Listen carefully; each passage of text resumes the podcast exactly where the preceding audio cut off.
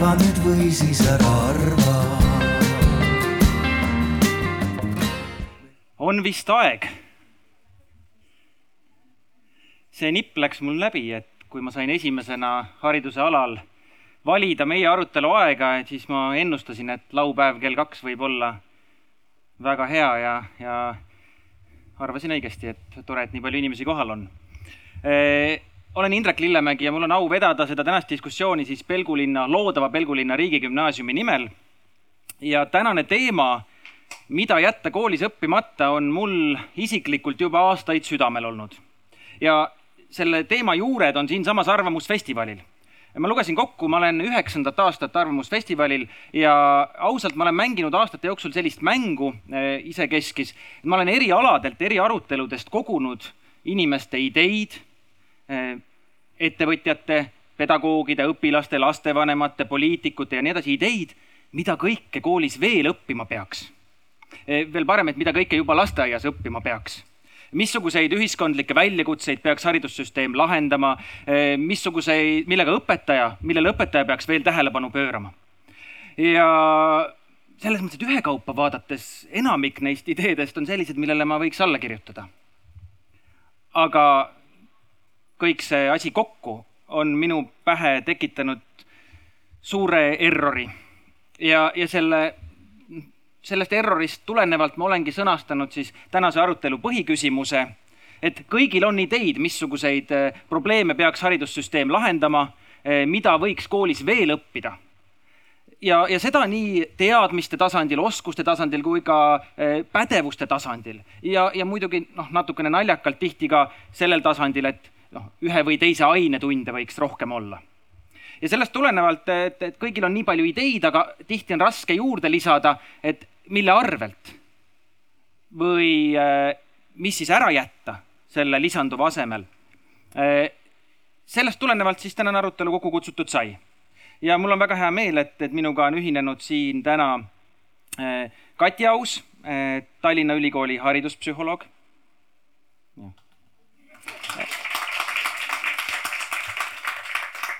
Ülli Enn, noortevaldkonna ekspert, TalTechi doktorant ja nüüd siis värskelt ka Haridus-Teadusministeeriumi, kui ma nüüd õigesti mäletan, rahvusvaheliste suhete osakonna juht. rahvusvahelise koostöö juht, tere ka minu poolt. jah,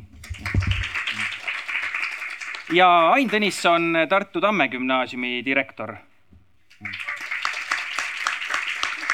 ja, ja muidugi kõik teie siin, kellel kindlasti on palju ideid, mida koolis veel teha võiks ja, ja loodetavasti tänane arutelu ait, annab teile võimaluse ka välja öelda, et mille asemel siis või, või mida siis jätta koolis õppimata.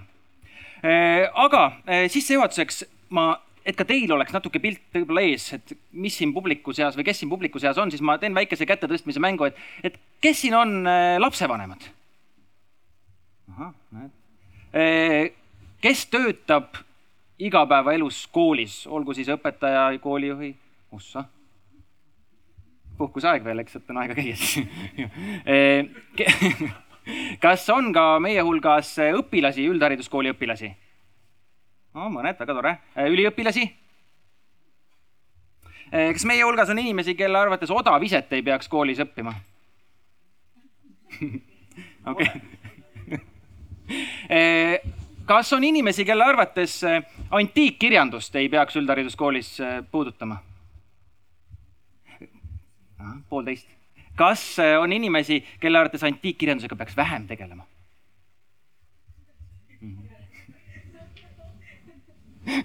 kelle arvates peaks, võiks loodusteadustele vähem tähelepanu pöörata? Seda, seda viha ma ei tahaks näha, kui keegi nüüd kätt tõstaks. Äh, aga vene keelt ei peaks õppima. okei okay,, äh, aitäh, see soojenduseks, ma arvan, kraadimiseks andis mingi pildi ette. Äh, pärast kuigi meie ekspertidel on kindlasti palju huvitavaid arvamusi, siis pärast ma annan palli ka kindlasti teile nii omavahel arutlemiseks kui ka suuremas ringis mõtete väljaütlemiseks. Nii et, et kui ideid tuleb, hoidke need endale ja kui on õige aeg, siis, siis saate ka teie sõna. aga äh, Kati, Ülli ja Ain, äh, ma alustaks sellisest päris suurest küsimusest, millele ma ka sissejuhatuses juba viitasin. et üldharidus mitte ainult üldharidus isegi, vaid haridussüsteem tervikuna on tegelikult samm-sammult ju traditsioonilist kogu, kogukonna ja kodu vastutust üle võtnud. Ja noh, seda kõige paremas mõttes, et me, me tahame, et, et igal õpilasel sõltumata kodusest taustast oleks väga head võimalused eneseteostuseks äh, ja nii edasi ja nii edasi et noh, ja mida ma selle all mõtlen, et noh, sellised traditsioonilised kodu või kogukonna kanda olnud oskused, noh, olgu siis selleks või, või ka pädevused, ma ei tea, räägime toitumisharjumusest, räägime samadest liikumisharjumustest ja, ja nii edasi ja nii edasi, et tihti ka tegelikult sotsiaalsetest oskustest, need on olnud kodu ja kogukonna kanda.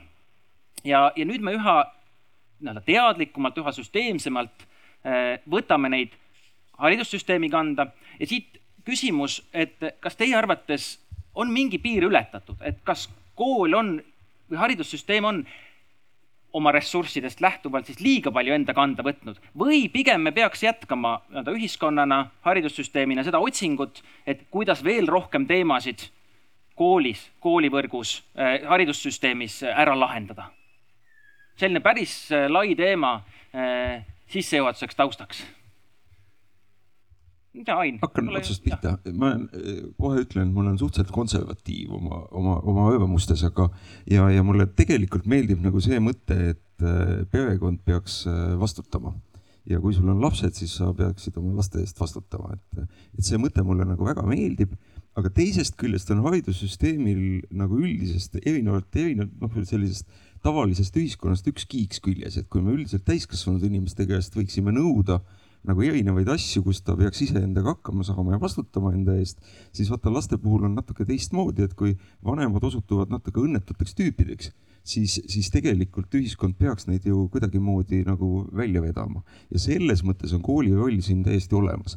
aga mulle tundub, et see siin, kuidas ma nüüd oma kaks mõtet nagu kokku panen, mulle tundub, et umbes sellisel, sellisel moel, et me ei peaks nagu kõiki asju, eelkõige on need sellised kasvatuslikud tüüpi asju, nagu võtma vaikimisi kooli kanda vaid tulema appi siis, kui on näha, et noh, pere ei saa hakkama või on nagu hädas, sest kui me võtame vaikimisi asju kooli kanda, siis hakkab tekkima see selline noh, niisuguse haridusteenuse kontseptsioon, et vaadake, mul nüüd lasteaias käis ära, eks ju, laps, nüüd ma lükkan ta kooli uksest sisse noh, ma tulen, võtan ta siis, kui oleks vaja lõpukleiti osta või noh, midagi, noh, aeg-ajalt seda noh, mõnikord nagu juhtub see, sellist, sellist asja niimoodi koolis töötava inimesena mõnikord nagu kummalist lastevanemat ikka näed, kuigi meie koolis on väga head lapsevanemad, ma niimoodi ütlen selle kohe ära. aga, aga, aga üksikuid, üksikuid niisuguseid lugusid ikka nagu tundub, kus nagu võtta, mõtlen, et oot-oot-oot-oot, kelle laps see nüüd oli?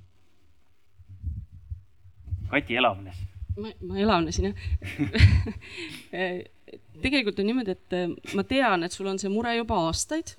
sa oled sellest põgusalt rääkinud juba aastate tagustel aegadel ja ma vaikselt lootsin, et äkki sul läheb see üle.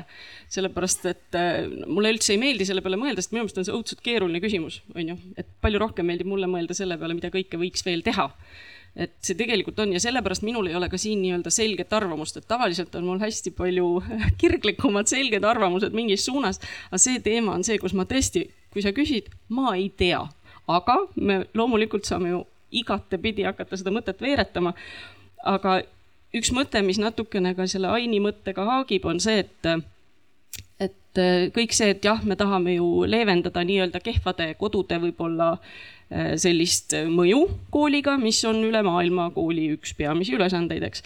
ja aga teisalt on see, et ei ole nii, et äh, lapsed lükatakse kooli, vaid paratamatult lapsed on koolis nii palju aega, ehk siis nad arenevad päevas kaheksa tundi, laps on arenev organism, ehk siis terve see kaheksa tundi, kui ta on koolis või palju ta seal on, ma ei tea, palju ta seal on, noh, tööpäev ikkagi, on ju, enam-vähem koolis ja huviringides, siis tegelikult suur osa tema arengust lihtsalt toimubki kooliseinte vahel, on ju. ehk siis minu meelest ei saa me seda ütelda, et meie ei tegele kasvatustööga, sest sellel ajal päevast ta areneb ja kasvab, on ju ja mis tähendab, et seda tuleb nii ehk naa teha.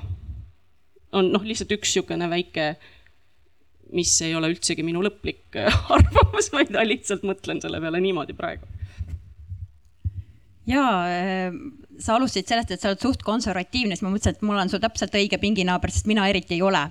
ja, ja see mm, küsimus sellest, et kas me peaks seda rolli kuidagi veel suurendama ja, ja, ja sinu noh, mure selle üle, et see on justkui kogu aeg nagu suurenenud, siis ähm, mulle endale tundub, et me hästi sageli kipume tegema nii, et kui me tahame midagi paremaks teha, siis me mõtleme, et mida me rohkem peaks tegema.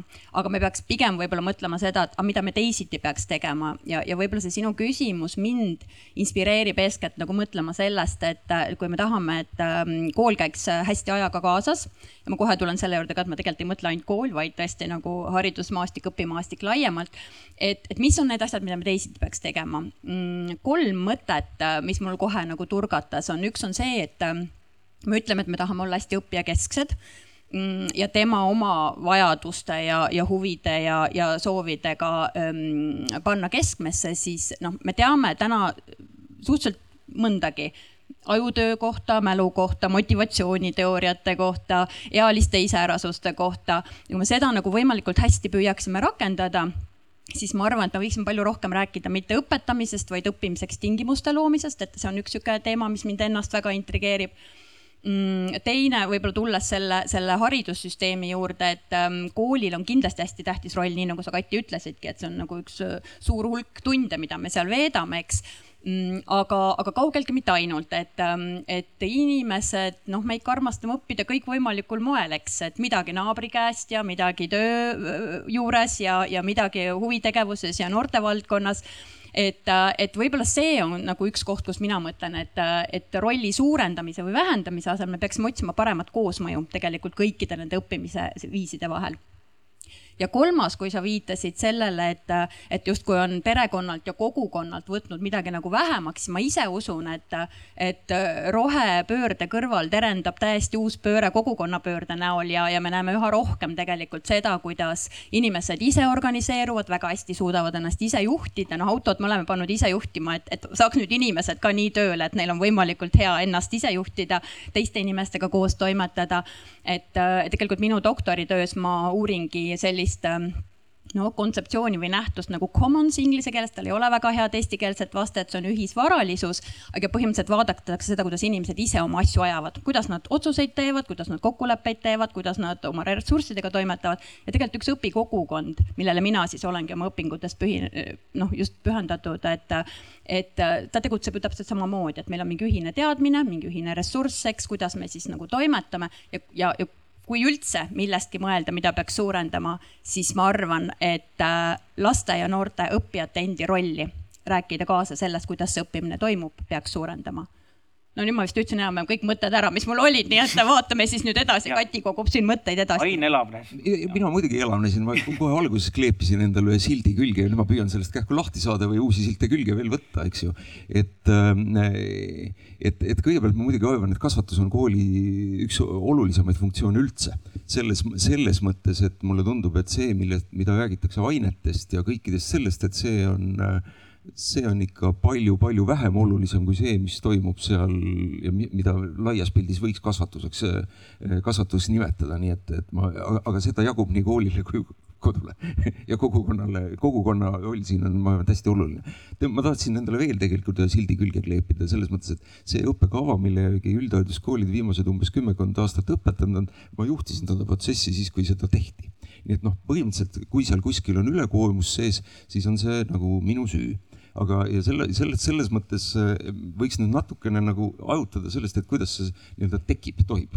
ole lahke. ja, et, et, et mulle tundub, et iga kord, äh, kui keegi hakkab õppekava tegema või seda arutama, mida koolis õpetada ja siis arutatakse, no paneme sinna kõige vähem, mida vaja on, teeme sellise raudvara sinna siis see, mis sealt tuleb, tuleb tavaliselt natuke suurem kui see, mis seal enne oli.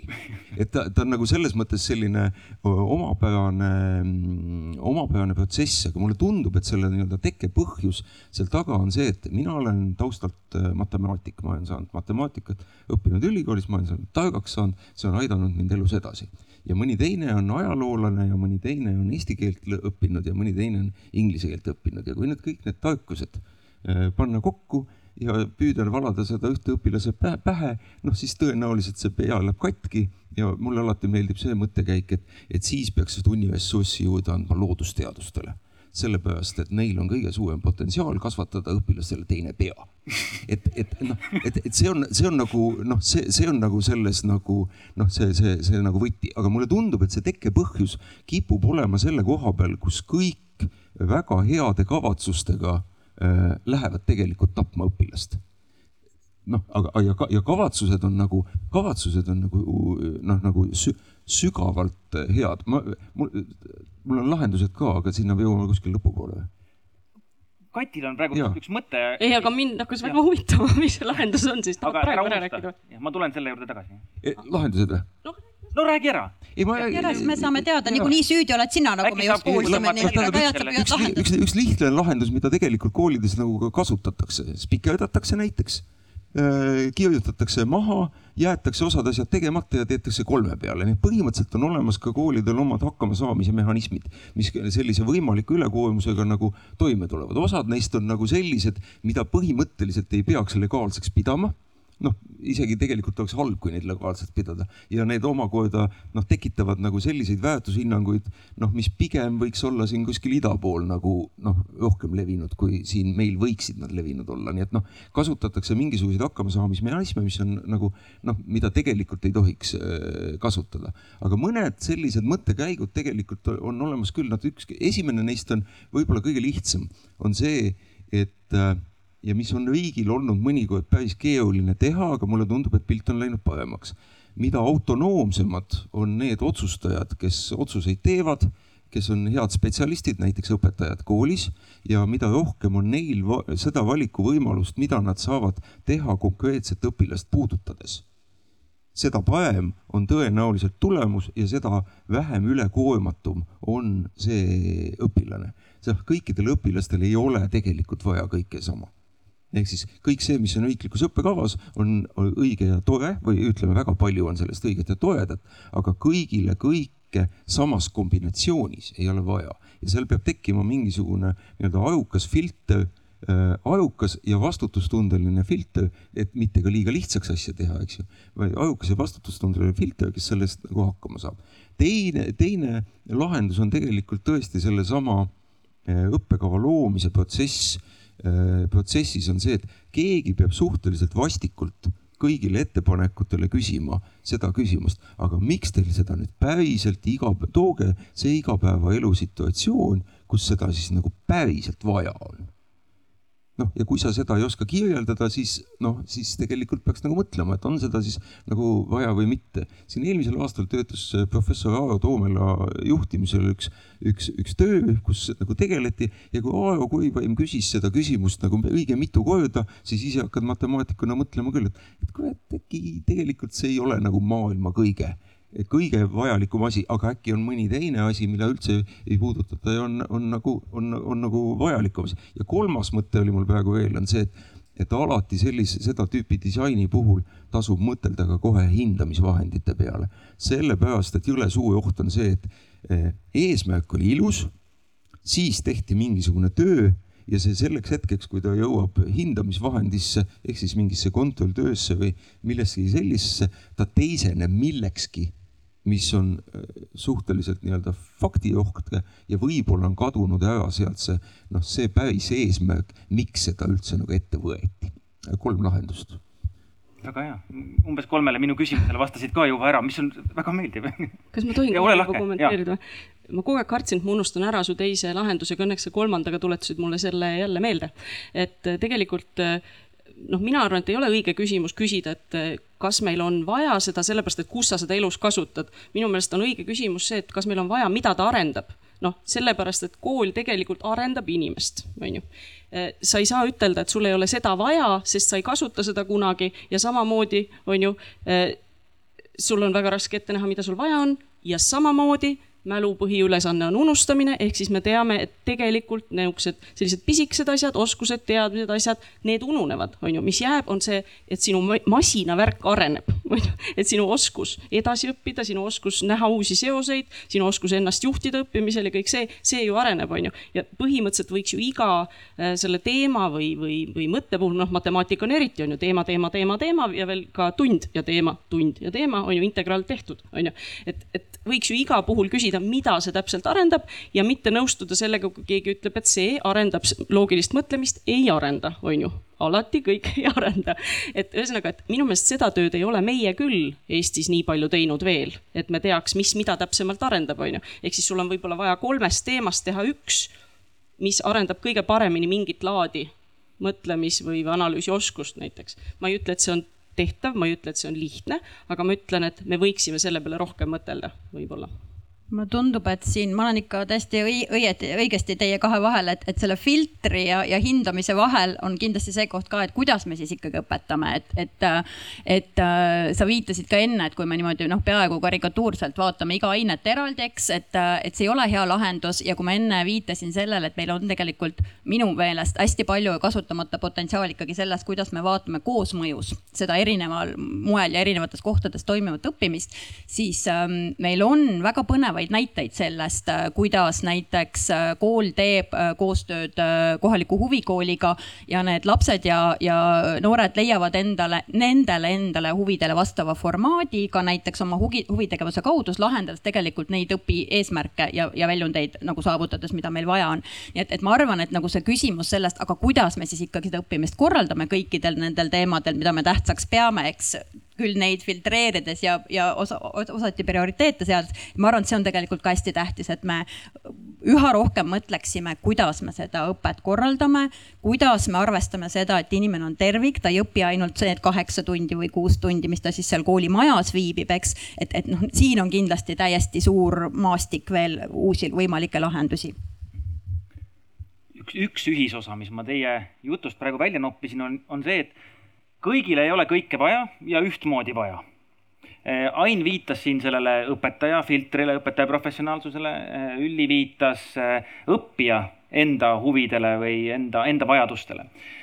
viskaks selle küsimuse võib-olla veel laiemalt õhku, et kuidas me peaks üldse ühiskonnana, haridussüsteemina ja võib-olla ka kogukondadena neid otsuseid tegema, et mida võtta, mida jätta mida koolis õppida, mida mitte, kuhu fookus seada, kuhu mitte. et noh, et ilmselgelt noh, ilmselt Ain, sa ju ei arva, et see on nagu ainult õpetaja ülesanne öelda ja, ja ilmselt see ei ole ka nagu ainult õpilase noh, nii-öelda huvi, huvipõhine valik. et, et noh, sest siin on lisaks nii-öelda indiviidi vajadustele, huvidele on ju mingisugused ühiskondlikud vajadused, eh, mingisugused ülesanded, mida me anname haridussüsteemile meie, ma ei tea, noh, ühiskondlikest koostöistest vajadustest lähtuvalt ma ei tea, Kati. ma korra ühe ütlen, et ma natukene jällegi ma tunnen, et võib-olla minu arengus ma ei ole veel nii kaugel, et mina julgeks öelda, et kõigil ei ole kõike vaja. Mina arvan, et on võimalikult pikalt kõigile kõike vaja, et noh, ma ei, ma ei tea, kas sa mõtled seda, sest ma alatihti tunnen, et huvitav, miks ta niimoodi mõtleb. ja, siis mina jälle mõtlen, et huvitav, miks mina niimoodi mõtlen ja ma siiani tegelikult ei saa aru, et kas me mõtleme ikkagi sarnaselt või erinevalt, ma ei tea, kuidas teised mõtlevad. aga noh, minu kindel veendumus on see, et noh, esiteks laps ei tea, mis on tema arengule kasulik, see on päris kindel, on ju. ka õpetaja, kes on oma aine spetsialist, väga hea spetsialist, ta ei tea teisi asju, mis on võib-olla lapsele nii väga vajalikud, on ju. ehk siis see otsus, et mis on, mida me arvame, et on tegelikult hästi-hästi kasulik, see peab tulema kusagilt mujalt.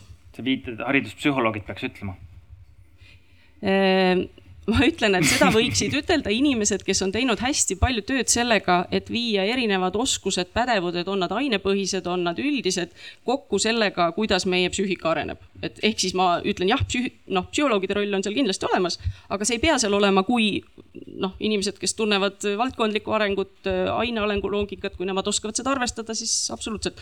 aga jällegi noh, nagu me teame, on ju, et mida kõrgemal meil on see latt, kus ütleme, et nüüd, nüüd teeme huvipõhiselt, et mida rohkem on ikkagi seda, seda ühtset mida me võib-olla lihtsalt ei oska kõigile pakkuda hästi nii nagu, et nemad seda saaksid enda huvides ära kasutada pärast, on ju. ehk siis minu jaoks on alati see nagu libe tee, et ütleme, et hästi varakult, et ahah, sind huvitab rohkem see, mine sinna, aga me tegelikult ei otsi seda, millele sina tegelikult viitab, et kuidas tema seda kõige paremini õpetaks, ehk siis minu jaoks alati on see, et me ei oska õppimist toetada, on ju, piisavalt hästi veel.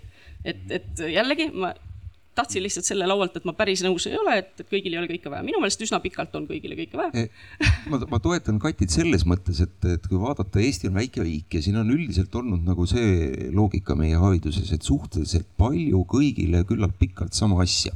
ja see on Eesti puhul olnud nagu noh, töötav loogika, Hiinas või Venemaal seda vaja ei ole, seal on rahvast palju, mõni on mingi koha peal loll, vahet pole, teine on tark noh, et, et noh, nagu kannab välja, eks ju, Eestis nagu nii hästi välja ei kanna. et, et, et selles mõttes Eesti see noh, hariduse ühtlus mõnes mõttes on väikse, väikse riigi jaoks nagu noh, iga, iga inimene on nagu kallim aga noh, aga samas peab selle asjaga kuidagimoodi nagu äh,, kuidagimoodi hakkama saama. see asi on ka, et nüüd jätta kõik õpilase valida või ka vanema valida, ei ole võib-olla kõige parem, sest äh, noh, küllalt raske on valida neid asju, kus sa tegelikult ei tea, millest üldse jutt on noh, ja selles mõttes selline teatud sunduslikkus on siin nagu, on siin nagu vajalik.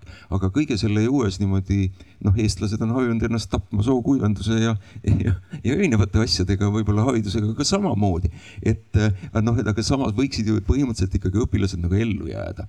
et noh, et, et siin kuskil see, kuskil see valiku, valikusituatsioon peaks ju ikkagi nagu tekkima ja, ja, ja mulle tundub, et ega siin vist ei saa see olla parem, parem koht, kui see noh, kui see ongi kool ja hästi tugev õpetaja, kes vastutustundlikult, vastutustundlikult on siis, tõlge on nõudlik ja mitte liiga lihtne et noh, et saab nagu aidata valida selles osas, mida see, mida, mida, mida nagu teha. kui nüüd hakata tsiteerima kooli õppekava, siis ka seal on see, et riiklik õppekava on üks alus äh, sellele, mille, mida me õpetame, aga muuseas on ka seal see, mis eile maailmas juhtus ja missugune on, ma ei tea, meie selle õpilase eripära ja, ja missugune on selle õpetaja stiil, eks ju, noh, et, et seal on neid asju, mis siin nii-öelda mängivad lisaks sellele, et riik ütleb midagi, on ju tegelikult äh, küll ja veel. ja, ja mulle tundub, et see noh, me oleme hästi toimetanud siis, kui me jätame selle autonoomia alles ja, ja, ja toetame seda hästi, siis me, siis üldiselt ütleme, et ega riik viimasel ajal ei ole ka väga palju kooli seganud. et, et, et selles mõttes on noh, toimetatud suhteliselt hästi et, et ma arvan, et see on päris hea. samas näiteks ma korra ütlen, et näiteks kui koolid teevad üha, tahavad muudkui teha tasemerühmasid, on ju, siis see käivitab variõppekava me ei taha seda. või noh, mina hariduspsühholoogina seda ei taha, eks ole, et tegelikult nagu peab, peab andma endale aru, et see variõppekava peab olema võimalikult läbipaistev, on ju, et me teame, mis võib to toimuda, kui me teeme otsuseid selliseid, mis ütlevad, et kas sina oled sedasorti mees või oled sa pigem sedasorti mees, on ju. et need on ju ohud, mis on reaalselt olemas. ja kui te räägite sellest tegelikult, et teeme kõikidele erinevalt, et kas me siis teeme, teeme niimoodi, et kõik saaksid võimalikult hästi hakkama või me teeme niimoodi, et me jagame ära, et kes, kuidas, milleks on võimeline, on ju et need on kaks täiesti erinevat lähenemist, mis lähevad sageli sassi Abs. absoluutselt, sellepärast et seal hakkab mängima ressurss, eks ju. noh, mõnes mõttes on odavaid otsuseid teha palju lihtsam ja see ja selle koha peal on selle autonoomse spetsialisti või ka kooli vastutuse või see roll on hästi suur, sest jõle lihtne on kanda inimesi maha noh, ütelda, et see, sina tead tegelikult äh, matemaatikat, noh, tead, hoia natuke kaugemale. et, et noh, seda on nagu jõle lihtne teha tegelikult, et. varjata seda, et me seda tegelikult teeme, sest me ei anna arugi, et me seda tegelikult ja, teeme, seda näitavad ma, uuringud on ju, et sellel on pikaajaline mõju, on ju, ja täiesti oluline ja nähtav mõju, on ju Ülli, sul jäi ütlemata välja vahel. Äh, ja et noh, siin juba läheb nii põnevatesse suunda, et siin võiks kohe mitmest mõttest kinni hakata. ma hakkan kõigepealt kinni sellest, et ähm,, et ja, ja kui me teeme otsuseid ja ma tean, et tõesti, see on kallim ja see on aeganõudvam ja keerulisem, aga ma ei näe paremat lahendust vastuseks sinu küsimusele, kui ikkagi nagu rääkida nende erinevate osapoolte koostöös, et, et selles võtmes noh, ma ei, ma ei arva, et saab otsust teha ei riik, nii nagu sa ütlesid, et äh, meil on tegelikult suhteliselt autonoomne kool, õpetajaskond ja kõik see muu ma ei arva, et ka õpetaja ise peab olema see, kes on üksi selle küsimuse ees, kuidas seda teha, et ma ikkagi arvan, et siin peab nagu olema parem kommunikatsioon ja läbirääkimine ja dialoog. ma korraks pean veel ütlema seda, et äh, mulle õudselt meeldiks, kui lapsed mitte ei jääks ainult ellu koolis, vaid nad oleksid ka õnnelikud selle juures, et, et, et kuidagi selle poole noh, võiks ikkagi ka äh, püüelda. mul on endal kaks last, kes käivad, äh, kes üks käib koolis ja teine on, on alushariduses, et ma arvan, et ähm, et noh, ma ise vanemana pean seda hästi oluliseks, et neil silm säraks ja neil on kuidagi õppimisega seoses selline tunne, et noh, kõike annab veel avastada, eks, et, et mida kõike ma ei tea, siis see on okei okay,, et, et ma lähen edasi sellega, et mul see huvi ja, ja õhin on. Ja, ja tulles selle juurde, Kati, noh, mida sa ka, see ongi hästi keeruline teema, et öelda, et, et kui palju siis kellelegi, millisel moel, noh, me peame nagu tagama, et mulle kohe tuli meelde üks selline isiklik väga äh, valus äh, õpikogemus ja ma olen seda oma sõpradele rääkinud, aga ma arvan, et suvefestival on tõesti see koht, kus ma võin nagu kapist välja tulla ja rääkida seda laial laval, et äh, algklassides äh, mm, oli käsitööõpetuses meil kunagi selline ülesanne, et heegeldada pajalapid. Ja ma ütlen ausalt, et mulle ei ole käsitöö kunagi väga meeldinud, mind huvitavad enamasti teised asjad ja, ja kuidagi juhtus nii, et ma olin lootnud, et mu vanaema teeb selle kodutöö minu eest ära, aga siis seal juhtus midagi ja, ja õhtu enne ma sain aru, et mul ei ole neid heegeldatud pajalappe, mida mul oli siis vaja õpetajal järgmisel päeval näidata ja, ja noh, alati ikkagi, kus on suur probleem, lahendus on olemas, läksin vanemate kapi juurde ja leian, näed, mingid tuttuued pajalapid. võtsin hinnasildi küljest ära, järgmisel päeval lähen kooli ja esitlen rõõmsalt, see on minu kodutöö. õpetaja kitsnik vaatab mind ütleb, oled kindel, et tegid ise? jaa. ta ütleb, need masinaga kootud pajalapid tegid ise.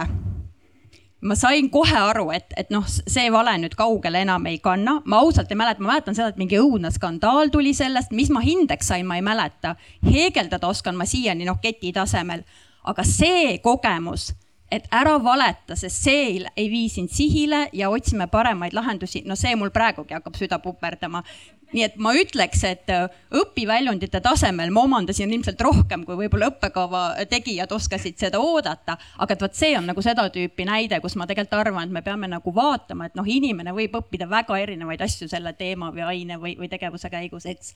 ja, ja need on samavõrd olulised kõik korraks üks sinu märkus, mis oli selles, et ellujäämise suhtes, et võiks ju midagi rohkemat, võiks muidugi ja, jah, absoluutselt ja, ja, ja, ja ma arvan, et ma arvan, et selline üks kriteerium, mida me võiksime sättida koolile lisaks riigieksami tulemustele, võiks olla ka see, et ja mida mina olen alati oluliseks pidanud koolimajas, on see, et, et huvitav, kas õpilased on õhtul koolimajas või mitte. või, või nad pigem põgenevad sealt ära.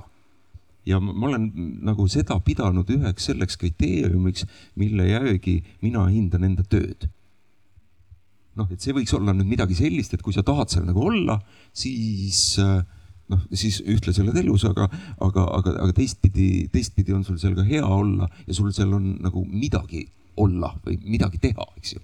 et, et seda kriteeriumit tasuks kasutusele võtta küll minu meelest rohkem ja see on väga tähtis, sest et Eesti on ka üks väheseid riike Euroopas siiani, kus meil on ka tugev koolinoorsootöö traditsioon, eks, et me noh, lisaks aine õpetamisele tegeleme ka sellega, et mis meil see koolikogukond koos saab teha.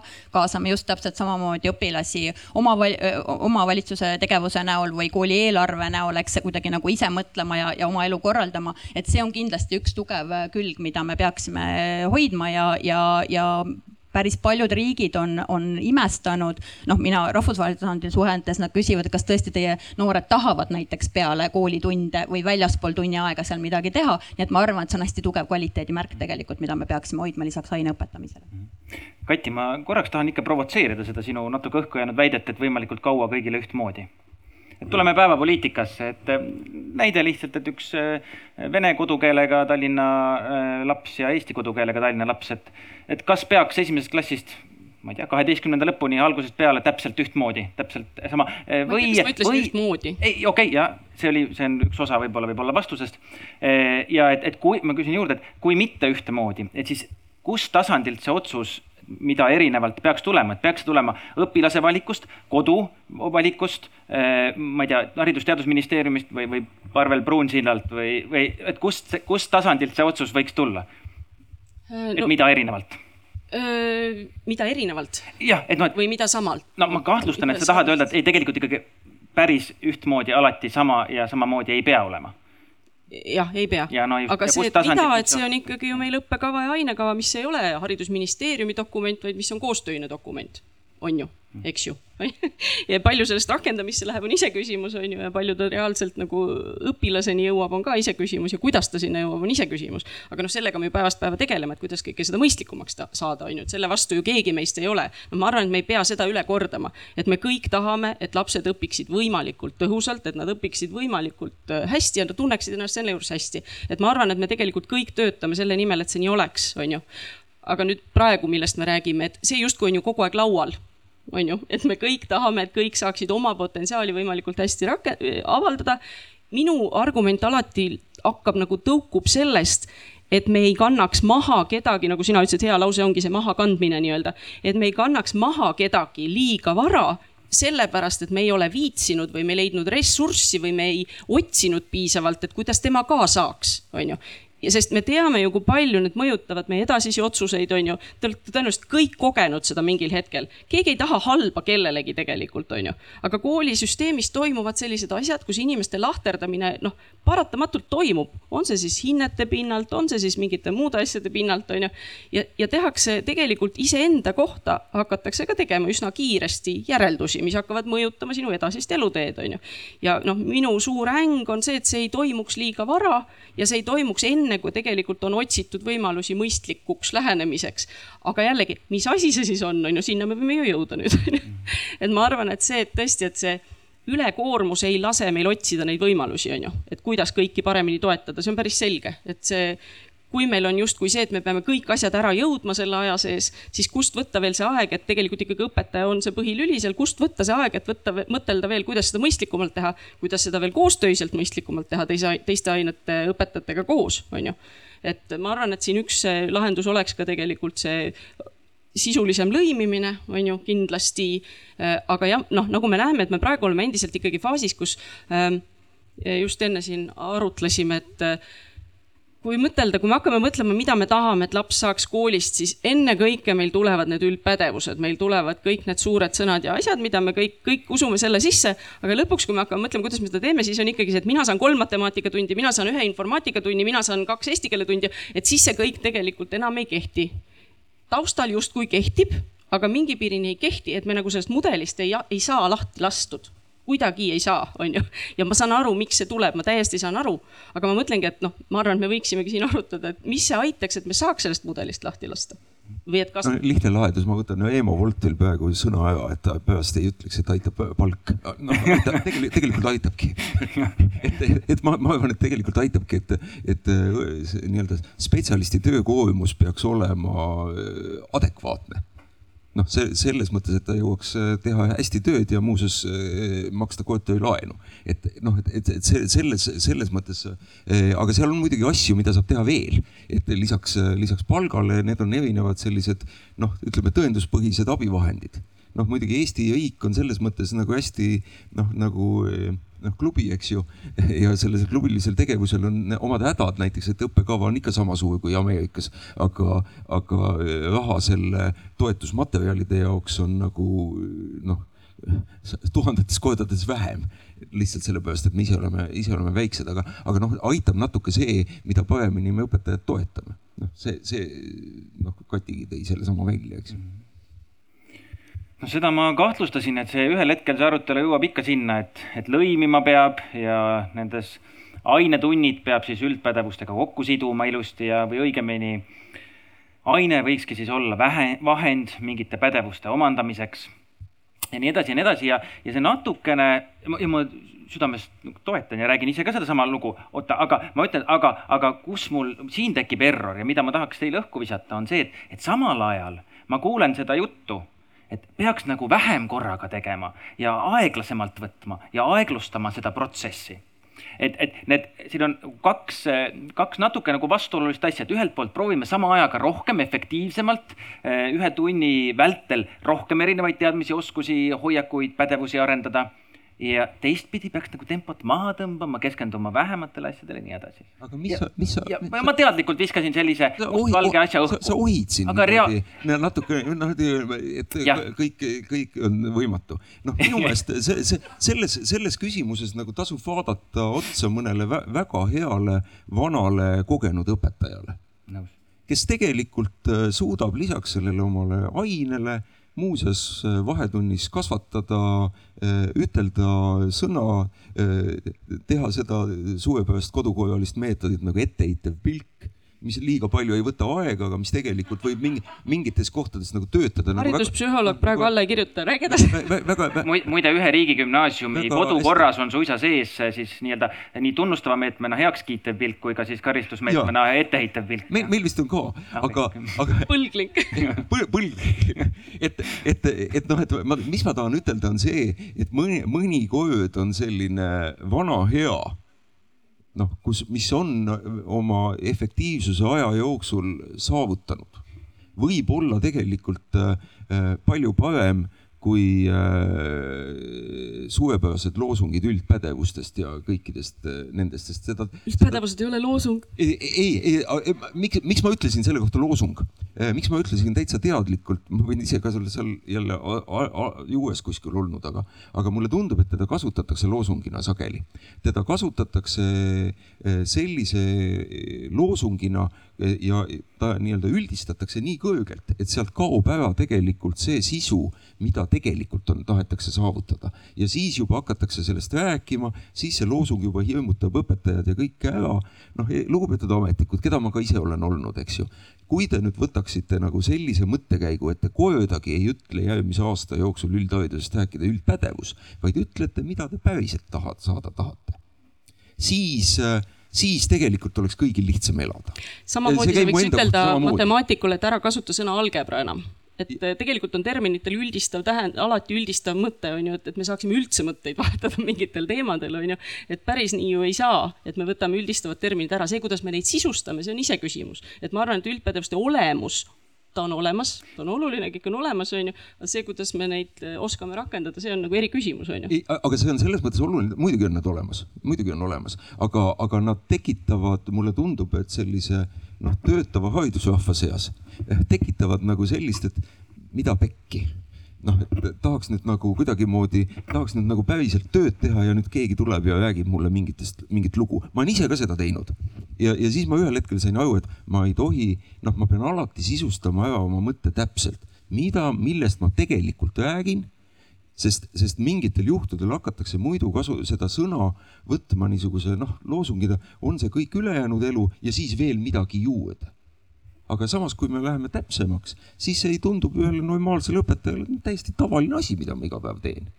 noh, ja selles mõttes ta võikski olla see tavaline asi nii-öelda, mida ma iga päev teen. Ülli ja et, et ma kohe mõtlesin selle peale, et hästi kujutan ette seda olukorda, kus õpetaja läheb närvi ja ütleb, et mis üldpädevused ja kõik see muu ja ma arvan, et hästi tähtis on mõelda, et miks, miks ta nii tunneb, eks, et, et kas ta on nii ülekoormatud, kas ta noh, kus see frustratsiooni allikas tegelikult on, et, et siin ma olen hästi päri, et ma arvan, asja sisus me ei räägi tegelikult üksteisest mööda, on mingid muud asjad, mis meid nagu häirivad selles, selles dialoogis ilmselt.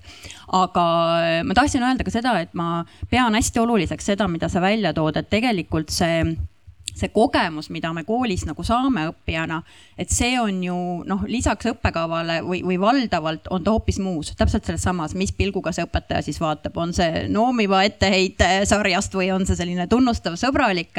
ja, ja ma ise olen olnud vaatlejaks koolikatsetel, kus intervjuud läbi viinud õpetaja ei vaadanud lapsele otsa ja te kujutate nüüd ette ühte kuueaastast lapst, kes noh, pilguga otsib seda õpetaja pilku, eks. ja, ja ütlebki pärast lapsevanemale, et tal oli hästi ebamugav ebamugav, sest ta ei teadnud, kuhu vaadata, sest õpetaja ei vaadanud talle otsa.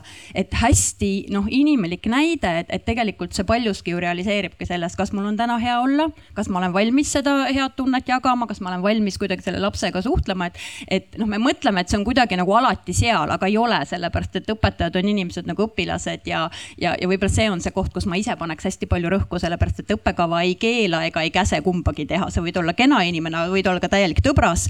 et, et noh, mulle endale meeldiks, kui õpetajad jaksaksid olla kenad ja sõbralikud ja toetavad ja kõik see muu, eks, et. et ma arvan, hästi tähtis on sellele frustratsiooni allikatele ka nagu tähelepanu pöörata, et jah, me teame, õpetajaid on vähe, õpetajad on ülekoormatud mina ikkagi usun, et kui me otsime paremaid äh, viise kasvõi näiteks mitteformaalse ja formaalõppe lõimimiseks, me juba saame vabastada õpetaja aega näiteks ja seda noh, rahu tagasi tuua, eks ja, ja võimalust keskenduda. aga et ma arvan, et neid, neid lahendusi on nagu veel, aga et tegelikult see kõik see, kuidas see seal klassiruumis toimib, on täpselt sama oluline kui see, et mida me siis nagu õppekava tasandil justkui arvame, et me teeme, et. ja, ja toon ühe näite veel, et kevadel ma tegin tegevusuuringut äh, Tallinnas äh, grupilaste ja noortega, kes on vanuses üheksa kuni kuusteist ja valdav nendest enamus on üheksa kuni üheteistaastased ehk siis noh, umbes selline vanusegrupp. see on grupp noori, kes korraldas siis lastefestivali Tallinn Music Week raames, võib-olla mõned on teist kuulnud, äkki keegi isegi käis seal ma arvan, väga suur osa täiskasvanud ei ole ise festivali korraldanud, aga need üheksa kuni üheteistaastased lapsed on. ja, ja noh, me võime mõelda, mida kõike nad selle raames, eks õpivad, nad peavad koos otsustama, nad peavad suhtlema partneritega, nad peavad korraldama kogu praktilise orgunni, et see on terve plejaad pädevusi, mida nad selle raames omandavad. Ja päev enne festivali on siis lapsed seal omavahel arutavad ja, ja kerkib nagu hästi tõsine teema, et, et nad ei saa tulla järgmisel festivalipäeval siis nagu aegsasti ettevalmistustele, sest nad ei saa koolist varem ära küsida.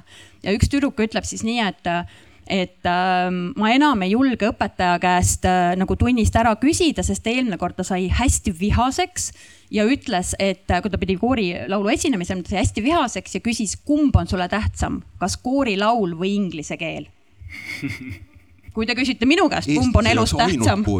absoluutselt, et noh, me võime kohe terve debatti, ma arvan, järgmine Arvamusfestival, kumb on tähtsam, kas koorilaul või inglise keel, ma arvan, see, see saal on no, siin täis. sa hakkad jälle õppekava tegema, siis on kõige esmalt hakkab koorilaul ja sinna ümber võib-olla ehitama. oot-oot-oot, ma mõtlen, lõpetan ühe selle mõtte, juba läksid siin käima, eks, et kellele koorilaul ja kellele jalgpall aga tõsi on see, et mida me igal juhul ei tohi teha, on see, et anda edasi selliseid hoiakuid, mis alavääristavad kas ühte või teist ainet või õppimise viisi ja kõike seda, et ma pean seda ülioluliseks ja siin ma ütleks küll, et ei õppekava ei, ei keela ega ei käse meil kumbagi teha, peab ise inimene oskama olla. aga ma tõesti käivitusin sellest koolilaulust selle, selles mõttes, et Eestis on õppekava on alati tõmbe, nendes tõmbetuuldes, kus kus äh, on hulk huvirühmasid, kelle jaoks on mingisugune teema hästi oluline, koolilaul näiteks.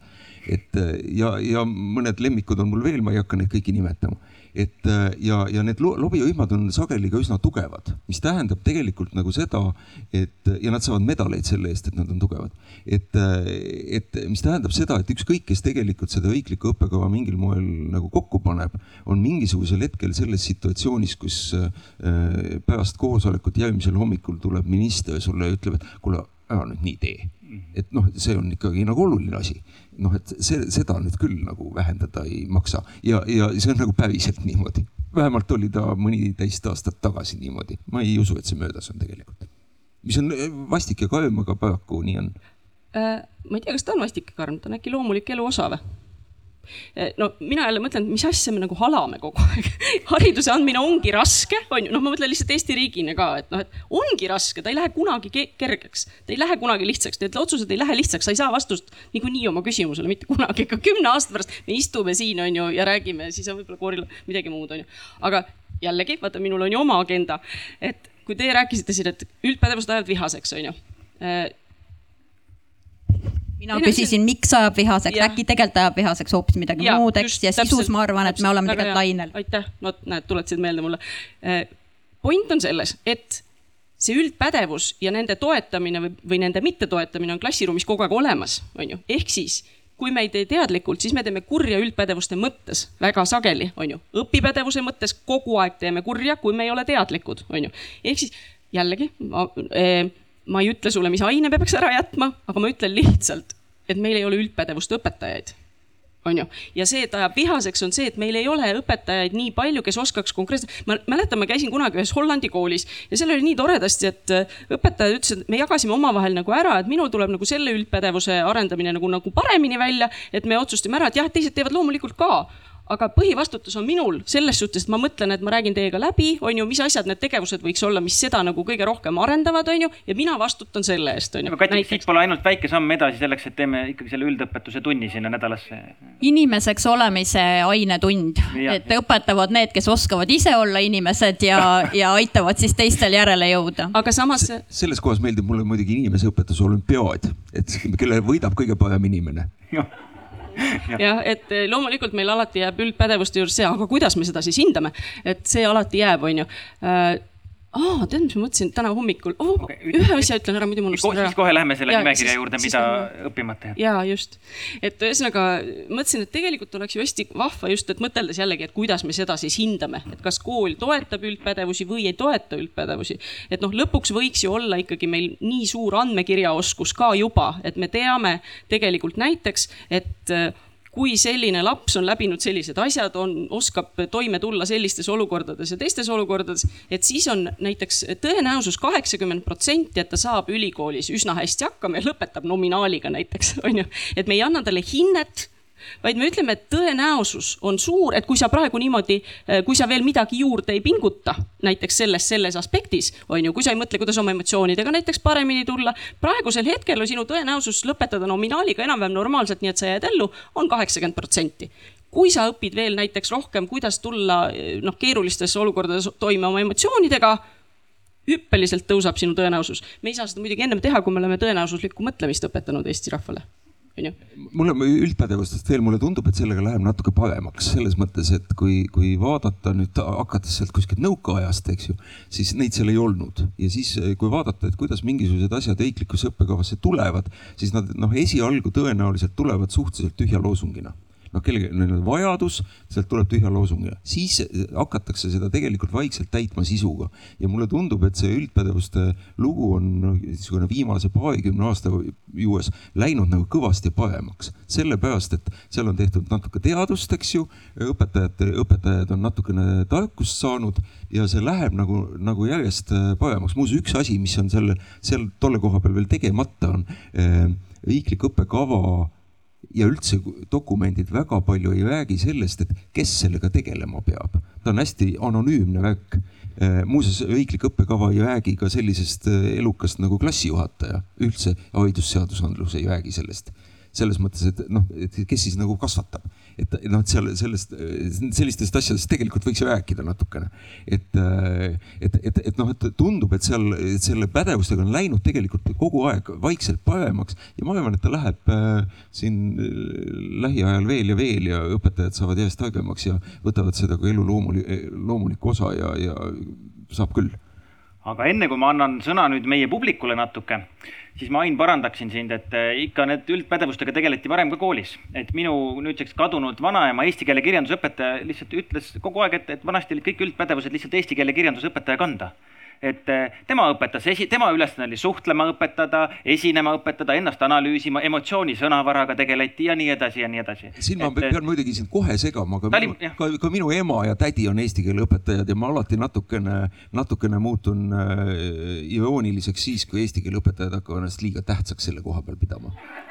sest äh, matemaatikaõpetajad teevad seda täpselt samamoodi, bioloogiaõpetaja teeb seda täpselt samamoodi, kehalise kasvatuse õpetaja, no ja kõik kõik teised. tõsi. minu ema oli miilits ja tema lihtsalt ütles, et nendele, kes ei ole ära õppinud reegleid ja kõike muud, nendel on omad sanktsioonid ja meetmed, nii et. kes ei ole üldpädevusi omandanud nii, äh, aga enne kui me siis hakkame teiega kolmekesi seda nimekirja kokku panema nendest asjadest, mis, äh, millega koolis mitte tegeleda, ma tahaksin sellesama küsimuse visata teile ja mulle tundub, et see sissejuhatus äh, siin või, või võiks anda teie mõtetele päris hea tausta. nii et ma palun, et võtame aega umbes viis minutit ja leidke enda ümbert kaks-kolm-neli inimest ja arutlege umbes viie minuti jooksul, et mis on need teemad, mis teie arvates praegu Eesti ja keskendume hetkel üldharidusele. Eesti üldhariduses, üldhariduses liiga palju tähelepanu saavad, mida võiks julgelt koolis õppimata jätta nii et leiame need kolm-neli inimest ja, ja arutleme ja, ja siis äh, võtame mõned arvamused siin äh, meie panelistidele saagimiseks. nii, ma palun nüüd teie tähelepanu ma proovisin teha seda siin, see oli üks nippidest, mille mu kadunud vanaema mulle, noorele õpetajale kaasa andis, et, et kui klassis on siis sääli on vaja tähelepanu, et siis võta, võta hästi vaikselt räägi, aga sellises ava-, sellisel avatul alal see vana pedagoogiline nipp ei tööta, et, et mitte ära tõsta häält, vaid tasanda häält aitäh teile ja näha oli, et, et teema tõmbas eh, nii mitmedki inimesed käima ja meil on eh, Triin siin eh, mikrofoniga natukene siis teile sõna andmas et igaüks äh, võib-olla arvamust avaldada ei saa või iga grupp ei jõua siia suurde ringi. aga Mihklil oli kohe käsi püsti siin. et äh, millest rääkisite, võta, võta lühidalt kokku. ja tervist, Mihkel Kangur, Rakvere Riigigümnaasium äh, õppejuht ja minu ülesandeks on praegust kokku panna siis Rakvere Riigigümnaasiumi õppekava ja see peaks minema laivi esimesest septembrist ehk et üsna kuum teema hetkel. taustalt ma olen ökoloog Äh, tegelenud matemaatilise modelleerimise ökoloogia valdkonnas äh, säästva arenguharidusega ehk et üsna mitmekesise haridusliku taustaga. mistõttu ma arvan, et ma võiksin natukene arvata midagi riiklikust õppekavast. Äh, neid põhja, neid põhjendusi on muidugi enamikel meist. jah, aga piltlikult öeldes me anname kuskil kolmeteistkümnest, neljateistkümnest erinevast puslekarbist tüki õpilastele ja ütleme, et, et pange nüüd sellest kokku üks suur pilt. ilma, et me annaksime neile mingisuguseid vihjeid, milles see suur pilt üldse seisneda võiks, millest see üldse koosneda, et, et mis seal pildil üldse olla võiks ja eeldame, et, et sel ajal, kui nad tegelikult mõtlevad sellele, et nad on paksud, kõhnad, liiga pikad, liiga lühikesed, armunud, mahajäetud, mida nad kõik minust üldse tegelikult mõtlevad. me sunnime neid tegelema sellise asjaga, et pange nüüd ise see suur pilt kokku, mida õpetajad ise tegelikult öelda ei oska. et, et küsimus ei ole selles, et, et kas õpetajad oskavad öelda, et, et kuidas nende asja elu, päriselus kusagil rakendatakse, me peame ette valmistama inimesi ka Elon Musk'i tiimis töötama on ju Marsi missioonil, mistõttu vaja võiks minna väga erinevaid teadmisi. aga kui need õpiväljundid, mis on õpi, meil siis õppekavas, gümnaasiumi õppekavas kirja pandud, kui nad omavahel ei lõimu. kui nad ei lõimu, sest et eh, kui meil on matemaatikat neliteist kursust, aga füüsikat, mille jaoks matemaatika on välja mõeldud, on viis kursust, siis kuidas sa paned nad omavahel lõimuma, kusjuures füüsikas ollakse sealmaal, kus matemaatika on hoopis sealmaal. küsin vahele, et matemaatika siis viie peale, nagu ma aru saan? ei, küsimus on selles, et kas me saaksime teha niimoodi, et erinevate ainete õpiväljundeid saavutatakse ühe ja sama õpitegevuse kaudu. et me saaksime selle tegevuse lihtsalt efektiivseks. me üritame saavutada õpiväljundeid väga erinevates klotsides. aga nad võiksid moodustada, noh, kuidagi kuskilgi kellegi peas mingisuguse ühe terviku ja mina tunnistan, et minul on enda hariduse taustalt seda tervikut küllalt keeruline sealt leida. aga noh, kindlasti juppe leiab. väga-väga hea ja ma hoian pöialt teile, Mihkel. et nii, mis veel mujal mõeldi, siin ees on mõte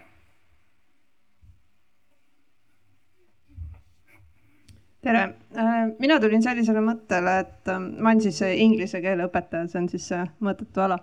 et äh, Indrek nüüd võttis mu tööle, et ja mõtlesin nii, et kui ta nüüd ütleb, et noh, tulevad õpilased ka kooli, et kuule, Agne, et sa oled nüüd siin tööl, aga no ühtegi tundi sulle ma ei anna. et ma mõtlesin, et aga tegelikult ma õpetaks ikka selle inglise keele ära. Et võib-olla ma võiks rohkem nagu natukene selles suunas mõelda et kui ka ma matemaatikaõpetajale, et sa ei saa neid tunde, sul ei ole ühtegi tundi. aga noh, need väljundid on nagu ikka veel olemas. et mis me nagu siis teeksime? ja kus, kus ma siis leiaksin selle nurgakese, et, et anda edasi need pädevused, mida neil noh, tõesti on pärast elus vaja, sest muidu on raske ka kogemuse põhjal, sest nad on nagu öelnud, et aa, kuule, Agne, et ilma, ilma nende asjadeta oleks nagu väga raske olnud. et selline mõte teile. Kuule, kas seda tohib kommenteerida, minu meelest on see kohutavalt äge mõte. Täiesti geniaalne mõte.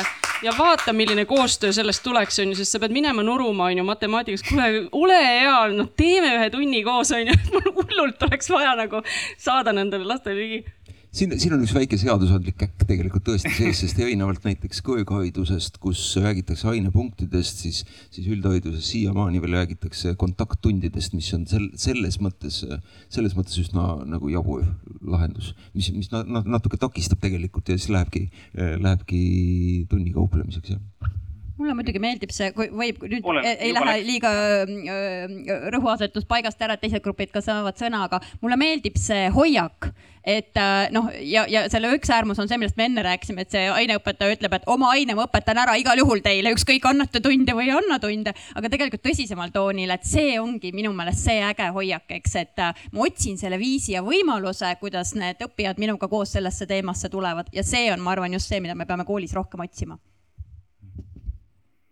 aitäh, Agne. nii, aga veel?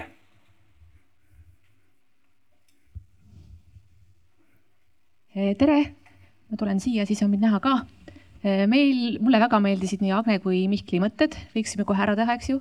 aga meie rääkisime sellisest asjast, et eh, äkki me kaotame need ainekavad ära ja selle asemel matemaatikaõpetaja tuleb tundi ja mõtleb, kuidas ta selle matemaatikatunni raames siis nüüd arendab mõtlemist või suhtlemisoskuseid või. ja see mõte tuli ühest äh, videost, mida ma näinud olen ühest Soome matemaatikaõpetajast, kes ütles, et tema seda teeb ja tema ei õpeta matemaatikat.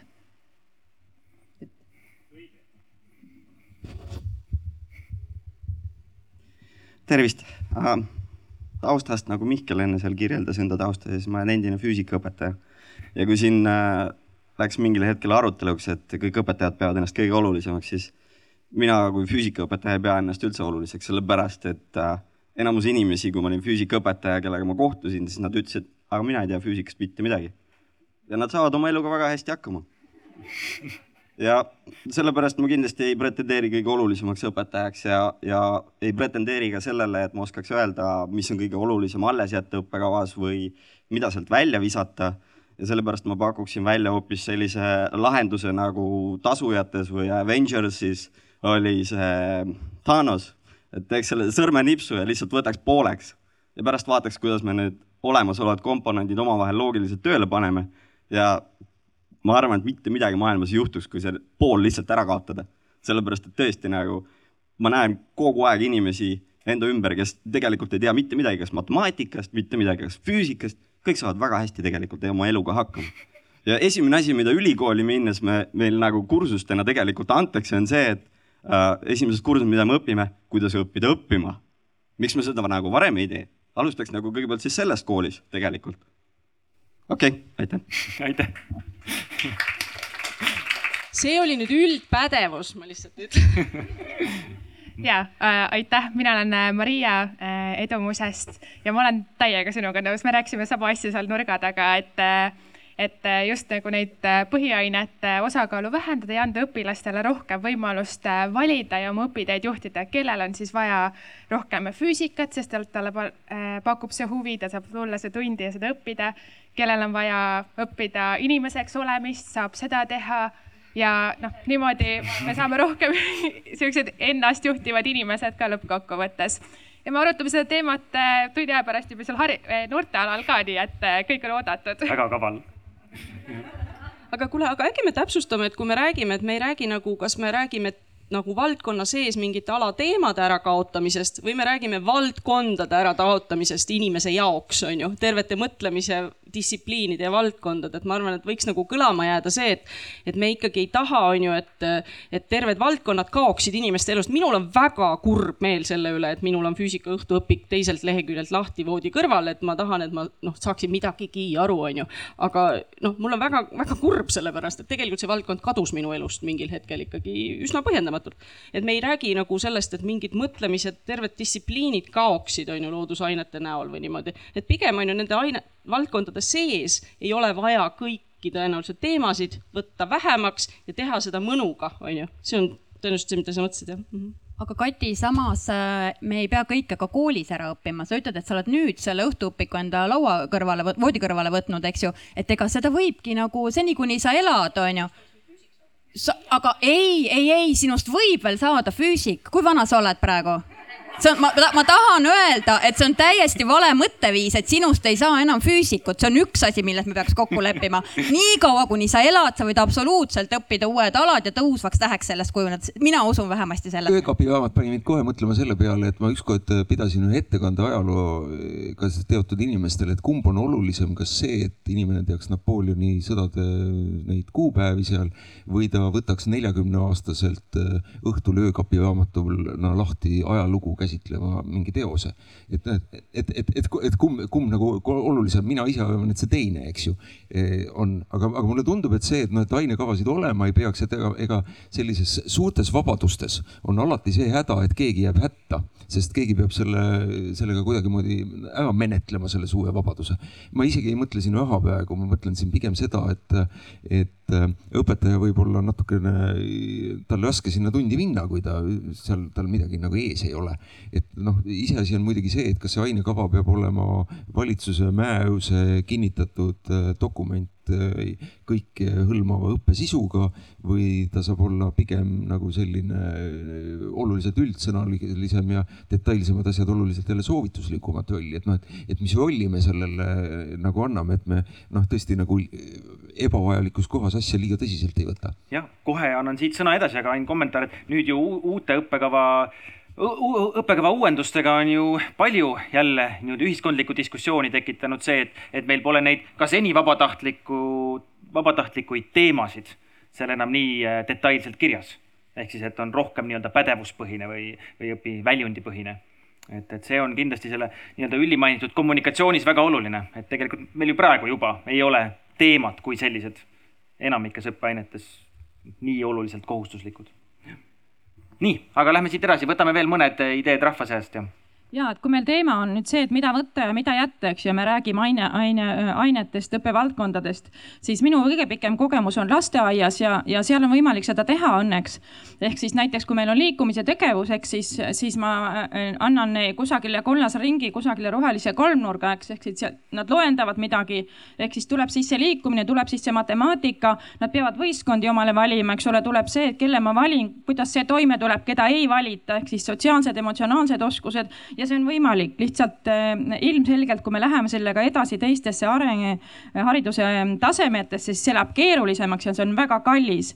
teine kogemus veel isiklikust elust, kus ma suure rõõmuga hoian oma sugulaste lapsi, hetkel nad on kahe, kolme ja kahe, kaheksa aastased ja kui ma olen nendega koos mitu päeva, sest vähem ei ole nagu mõtet minu jaoks ja ma lasen tal lihtsalt olla ja teha, siis kõik need vanused teevad läbi. Loodus, matemaatika, suhtlemine ja nii edasi, lihtsalt laseme neil olla jällegi, see on super, aga see on väga kallis. et lihtsalt küsimus võib-olla minu jaoks on see, kust võtta raha ära, et tuua kooli, haridussüsteemi üldse, aitäh. nii siit, ja siit, siit veel üks mõte, jah. Killu Johannese koolist Rosmal, mis on Waldorf kool ja minu peamine küsimus on see, et kui meil on see õppekava, siis see, mis pingesse ajab ühe õpetaja, ma olen ka bioloogiaõpetaja üheksandas klassis, on eksam ehk siis tegelikult see, et mul on kohustus need faktitükid ära õpetada, sellepärast et eksam seda nõutakse. ma ei taha seda teha. ja see on see üks oluline punkt äh, selle vabaduse ja õpetaja koormuse vahel, mida jätta, mida võtta.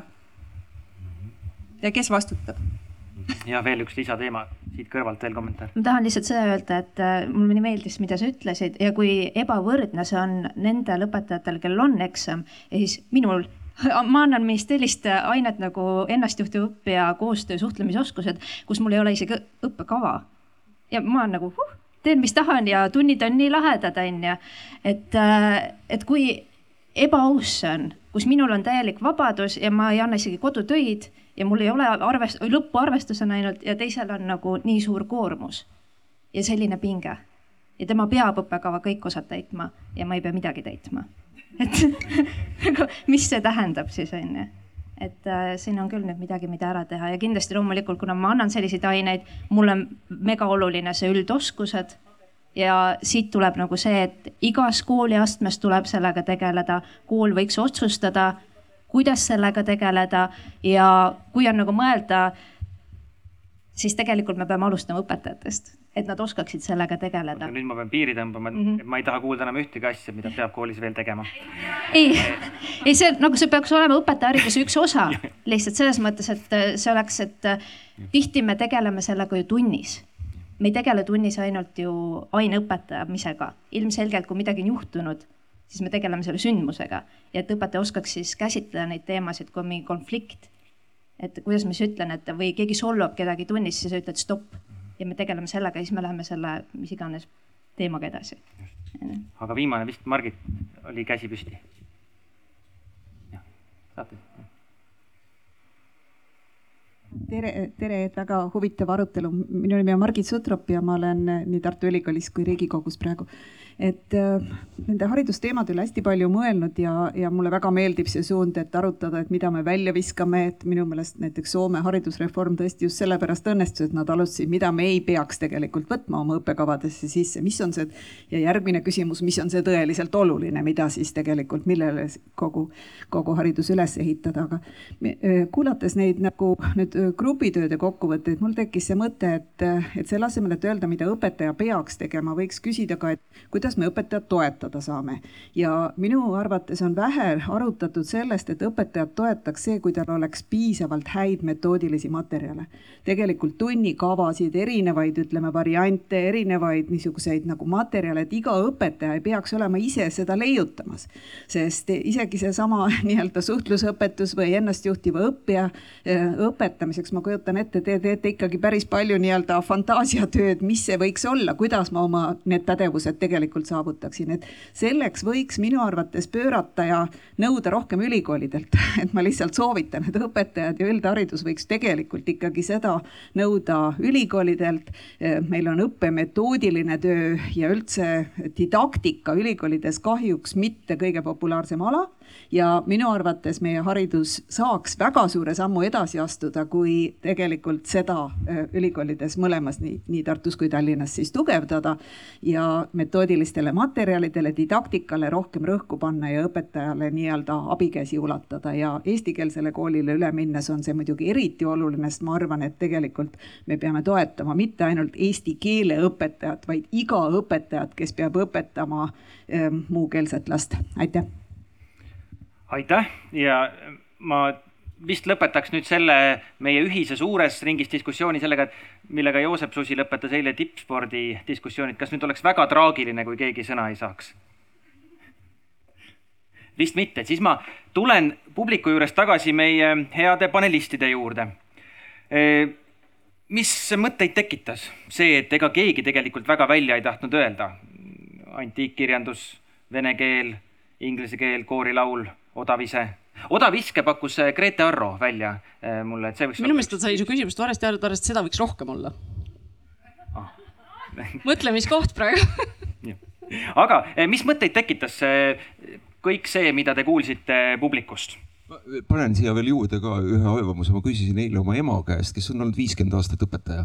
Ja noh, et mis seal siis noh, et lähen arutama sellisel teemal. ta ütles, et noh, võib-olla ajaloos mõned väga vanad need mehed või midagi umbes natu, natukene nagu sinnakanti, aga ega ei osanud ka väga tuua, aga, aga mis must tekitas, mul natuke käivitas see, see bioloogia mõte, mõte, et ja, ja siis, et kuskil istub äh, meie õpetajates äh, sees äh, hirm, hirm eksamite ja hirm sellise ähm, noh, ütleme vastiku tagasiside eest. Ja, ja, ja, ja see nagu, see nagu istub väga sees. Äh, ta istub juba seal aegu ammuseid äh, sees ja, ja, ja mulle tundub, et ega, ega vist ei ole paremat teed kui see, et teha väga häid tagasisidevahendeid, sest tegelikult neid iga õpetaja, õpetajaga oh nüüd ma pean ühe loo rääkima. Äh, kui ma läksin kooli tööle uuesti umbes kaheksa aastat tagasi, äh, siis minu esimene suurem üllatus oli see, et kõige rohkem äh, kardavad hindamist või tagasisidestamist need õpetajad, kes ise panevad nagu hästi julmalt kahtesid et nende jaoks noh, on nagu need, kes võtavad kogu seda hindamist ja tagasisidestamist, nii õpilaste hindamist kui õpetajate tagasisidestamist, noh kogu seda protsessi nagu hästi rahulikult ja konstruktiivselt. ja siis on need, kes seda tohutult kardavad ja need, kes seda kardavad, on ise tõenäoliselt need, kes äh, nagu täiega, ikka nagu täiega, no iga koma ikka.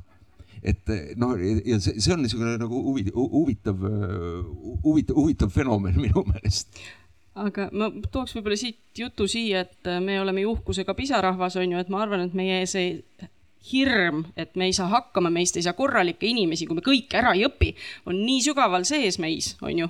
et me ei saa siin ühtegi õpetajat listule tõmmata, me ei saa ühtegi vanemat siin listule tõmmata, on ju, me ei saa isegi ülikooli listule tõmmata väga.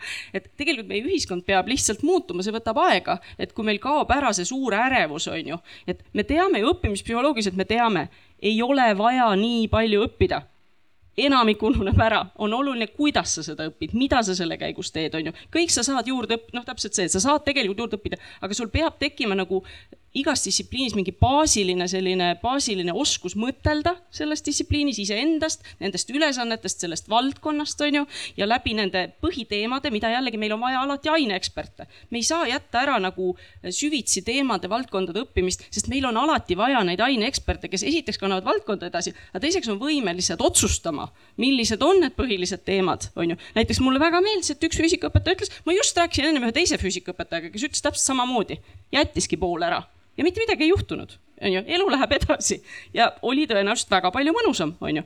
minul on kerge öelda, mina ei ole füüsikaõpetaja, on ju, aga samas, kui ma juba kuulen kahte inimest, siis tekib tunne mm, -hmm, miks mitte, on ju, Agne lubas üldse endal tunnid ära võtta, näed sa, on ju. et tegelikult me, aga kuidas saada nagu terve ühiskonnale lahti sellest väristusest, et kui ma nüüd kõike ära ei õpi, on ju kõiki teemasid ei ära ei omanda, siis on vsjo, kui me teame, et me üheksakümmend protsenti rohkem veel niikuinii läheb tühja, onju. Et olulisem on see, mida me seal koos teeme tegelikult selle aja, kui me oleme kontaktis koos, onju just ma sellel samal lainel kuulasin äh, sinu äh, seda äh, hästi ilusat jagamist, et sa ütlesid, et see on suur hirm ja ärevus ja püüdsin ette kujutada, mida need sinu õpilased siis seal tunnevad, et väga tõenäoliselt tunnevad nad sedasama.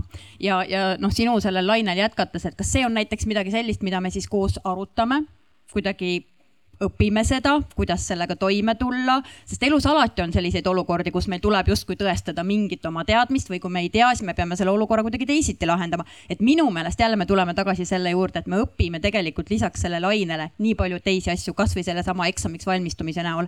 ja kui me suudame selle juures olla inimesed ja õppida ära midagi, mis meid edaspidi aitab teistsuguses situatsioonis samasuguse ärevusega, siis ma arvan, et me oleme tegelikult hästi palju juba saavutanud. aga enamasti ma arvan, täna me ei pööra sellele üldse tähelepanu, eks ju, et me oleme kuidagi kinni selles õpiväljundis, mida meil on eksamiks tingimata vaja. et kuidagi võib-olla see on see mõte, kus mulle tundub, et ma ei tea ühtegi paremat viisi, kui kuidagi püüda koos rohkem seda, selles protsessis olla ja, ja üksteist ka maksimaalselt nagu toetada, et õpilastele ei pea jääma mulje, et õpetaja on mingisugune ilma tunneteta inimene selle kõige asja juures, välja arvatud need hetked, kus ta vihastab ja tahvlilapiga viskab, mis juhtus minu klassis näiteks, kui ma väike olin. et, et selles valguses ma arvan, me peame kuidagi noh, õppima mõnuga rohkem võtma kõike seda, mida me koos koolis teeme aga ma ikkagi tahan öelda, on ju, et meil on see suur pilt peab olema, see peab olema tõenduspõhine, teaduspõhine selles suhtes, et on ju, me peame teadma, mis on pikaajalised tagajärjed mingitele otsustele, näiteks kui me laseme vabaks, et valige, mis tahate. enamik inimesi jätab ära reaalained kohe hoobilt, on ju kitsas lai matemaatika, vuh, jälle meil on valik tehtud ja mõne aja pärast, kümne aasta pärast on meil esimestes klassides inimesed, kes kardavad matemaatikat, on meie, meie laste ees, on ju. ehk siis on ju, me peame kogu aeg mõtlema ette, et me ei saa nagu teha rumalaid otsuseid, me peame olema nii-öelda targad oma otsustes, aga loodetavasti me muudame, muutume targemaks et praegu me veel väga targad ei ole, aga me ikkagi ju tahame saada järjest no, targemaks, et kuidas seda tulevikku võimalikult hästi ette näha, aga kuidas selle kõige juures jääda ennekõike inimeseks, on ju. sest kui me targad oleksime, oleks ju haridussüsteemi eesmärk täidetud ja meid ei oleks vaja no kogu aeg tuleb uusi õppijaid ka õnneks, aga ma tahtsin öelda seda, et need valikud ei pea võib-olla kohati ka nii nagu suure pintsliga olema, et tegelikult saab ju selle ühe teema sees ka, et, et kui sa, kui sa praegu rääkisid, siis mul tuli kohe meelde, kuidas minu laps esimeses klassis äh,, nad valivad ise endale raamatuid, mida lugeda. ta valis viiekümnendatel välja antud Tõde ja õigus köite ja luges ära sellest kolm lehekülge, siis hakkas igav ja, ja siis järg, natukese aja pärast proovis uuesti ja siis ütles, et kui tulid sõnad sookänkrad, noh siis ta ikkagi otsustas, et ta praegu ei loe seda. ja see on ka väga väärtuslik kogemus tegelikult. ma proovisin, ma sain selle kogemuse ja ta teeb oma valikuid ja see on üks osa õppimisest. et võib-olla me ei pea ka nagu mõtlema kogu aeg, et noh, et see valik käib nagu umbes sellel tasandil, kas ma õpin lugema või õpin, õpin matemaatikat, eks ju, et, et noh, kindlasti selle sees on hästi palju variatsioone sellest, kuidas me saame seda suurendada ja mitmekesisemaks nagu muuta, eks kas üks selline kokkuvõttev väide võiks olla, nõustuda, nõustuge või lükake siis ümber, see, et eh, küsimuse asemel, mida jätta õppimata, me peaks eh, küsima, et eh, missuguseid pädevusi peaks see, mida õpilased koolis teevad, nad selle õppimise käigus omandavad. Igal hetkel, et me ei räägi niivõrd teemadest või isegi tegevustest, kuivõrd me räägime pädevuste omandamisest. kas see võiks olla mingisugune laia pintsliga kokkuvõte? samas need pädevused võivad olla või noh, ongi ka ainepõhised, on ju. jah, ja muidugi, muidugi, just no selles mõttes muidugi ja, ja parem veel, kui nad on äh, heade tagasisidevahenditega seotud, et oleks aru saada, et, et see, mida alguses plaani võeti see siis lõpuks ka jõudis kuni sinna hindamisvahendini välja. noh, et, et see eesmärk ei läinud vahepeal kuhugi udu-mudu siis äh, ära kaduma ja siis lõpuks hinnatakse hoopis mingisugust äh, muud, et kas ikka Kadrioru lossi pilt on kunstiajaloos kõige olulisem teadmine või mitte, eks ju. näiteks lihtsalt aga, aga muidugi, kui nüüd kokkuvõtmiseks läheb siin või sa tahad veel? mul on üks kokkuvõttev küsimus, aga, aga enne võib selline kokkuvõte, see kokkuvõttev küsimus on tõesti väga konkreetne. et enne võib sellise laia kokkuvõtte teha. mis teil veel südamel on? mulle, mulle tundub, et kogu selles asjas on, on nagu, ma mõtlen just kõik need, kes on selles protsessis osalised, on siis nad koolijuhid nagu mina või, või, või õpetajad või, või ka, või ka lapsevanemad, et mõnes mõttes noh, tasub seda kõike võtta kuidagi nagu ja sedasama õppekava mis on riiklikult pandud ka kuidagi nagu noh, nagu rahulikult. me ei pea nagu võtma teda noh, me peame võtma teda tõsiselt, aga me ei pea põdema, kui mingisugune tükk temast jääb kuidagimoodi nagu noh, käsitlemata. jah, siin on olemas välishindamise hirmud ja kõik muud sellised, et me võiksime võtta seda rahulikult, aga, ja teisest küljest mulle tundub, et me võiksime võtta seda nagu noh, selliselt, et koguda endale igaüks ise nagu see, sellist nagu tagasisidepakki selle kohta, et kui tundub, et vaat need olid need eesmärgid, et huvitav, kas ma nüüd olen nende poole liikunud äh, ka või mitte, sest noh, mõnikord ka mõnikord ka õpetajate seas on selliseid teflonõpetajaid, eks ju, kellele ei hakka miski külge. Nende õpetaja, õpilastele ka ei hakka miski külge, aga nendele ka ei hakka miski külge. et, et ja, ja noh, et võid olla enesekindel nagu väga vales kohas, lihtsalt, lihtsalt see, see, see oht on, oht on nagu ka, aga muidu mulle tundub, et tasub rahulikult võtta ja, ja võib-olla vastuseks veel minu poolt, et tasub võtta rahulikult ja loovalt kindlasti ka seda, et, et kuidas me siis õpetame, et, et me siin ka täna tegelikult rääkisime ja tõime neid näiteid, et, et kuidas sa siis püüaksid ikkagi äh, neid pädevusi toetada, kui sul ei olegi seda ainetundi, eks, et koolis on tegelikult ka neid võimalusi või sellesama mitteformaalse õppe ja, ja formaalõppe parema lõimimise kaudu. et võib-olla minu jaoks nagu üks samavõrd oluline küsimus on, et jah, me saame teha pädevustele selgema rõhuasetuse ja me peaksime rohkem mõtlema sellest, et aga kuidas, et võib-olla see tegelikult vabastab ka meil palju seda aega, seda stressi, millest meil täna siin ka erinevatest aspektidest juttu oli. jah, ma olen nõus. Aga siis ongi aeg küsida. oot, oot, oot, ega ma nüüd nii nõus ka ei ole. No, üks okay, hetk, üks hetk, et äh, ma ikka tahan nagu tuua välja selle onju, et, et süvitsi õppimine on alati kõige primaarsem, on ju, ükskõik mida me teeme, me oleme hästi toredad, meil on hästi hea olla koos ja me oleme seal mõnuga, on ju, aga me alati eesmärk on süvitsi õppida, meil ei ole mitte midagi mõtet ette võtta koolis, kui see on lihtsalt nagu formaalselt linnukese pärast tehtud, integraal läbitud, on ju, no ei ole läbitud. et kui sa üldse midagi õpetajana ette võtad, siis võiks olla eesmärk, et kõik on sellest aru saanud mingilgi noh, niimoodi, et ma tunnen, et nad said tegelikult aru et see võiks ju, see eesmärk võiks ju alati olla ja siis on see, et aga ma otsustan, millest neil on mõtet, sest see võtab alati rohkem aega, on ju, sest enamik õppimisest on illusoor, illusoorne ju koolis meil, nagu me teame, on ju, mistõttu keskelt pooleks ja see, mida teed, teed ikkagi niimoodi, et oleks süvitsi arusaamine vähemalt võimalik teoreetilisel tasandil, on ju. nii et põhimõtteliselt ikkagi lugeda ühte luuletust pigem kakskümmend korda, selle asemel, et kahtekümmet luuletust. elagu Joosep Susi, kus ta aga ega ma teid ei taha ikkagi siit ära lasta ilma vastuseta, nii et lõpuringina ma tahakski, et igaüks ikkagi ütleks selgelt välja ühe asja praegusest, mida praegu, mida üldiselt koolides õpetaks, õpitakse või noh, ütleme, et kui, kui just ei õpita, siis vähemalt õpetatakse. ühe asja konkreetselt, millest võiks lahti saada jah. meil on kaks minutit aega. Aga järgmine aasta tuleb peale alles kolmekümne kahe minuti pärast, nii et ei no see, seda ei saa ju niimoodi vastata, on ju, vaid see ongi ikkagi vastamatu küsimus, me ei saa kindlasti võtta ühtegi ainet ega ainevaldkonda. sellele ei ole võimalik üheselt vastata. nii, mõtle natuke veel. Äh, Ülli ma teen ka katse või meid ei lasta ilmselt ära, enne kui me läbime nüüd selle ikkagi. Ehm, et mida me ei peaks, äkki me peame lahti saama sellest mõtteviisist, et üldse on võimalik kedagi õpetada. äkki on võimalik ainult luua õppimiseks tingimusi. ja katsu öelda, et see ei ole õige vastus.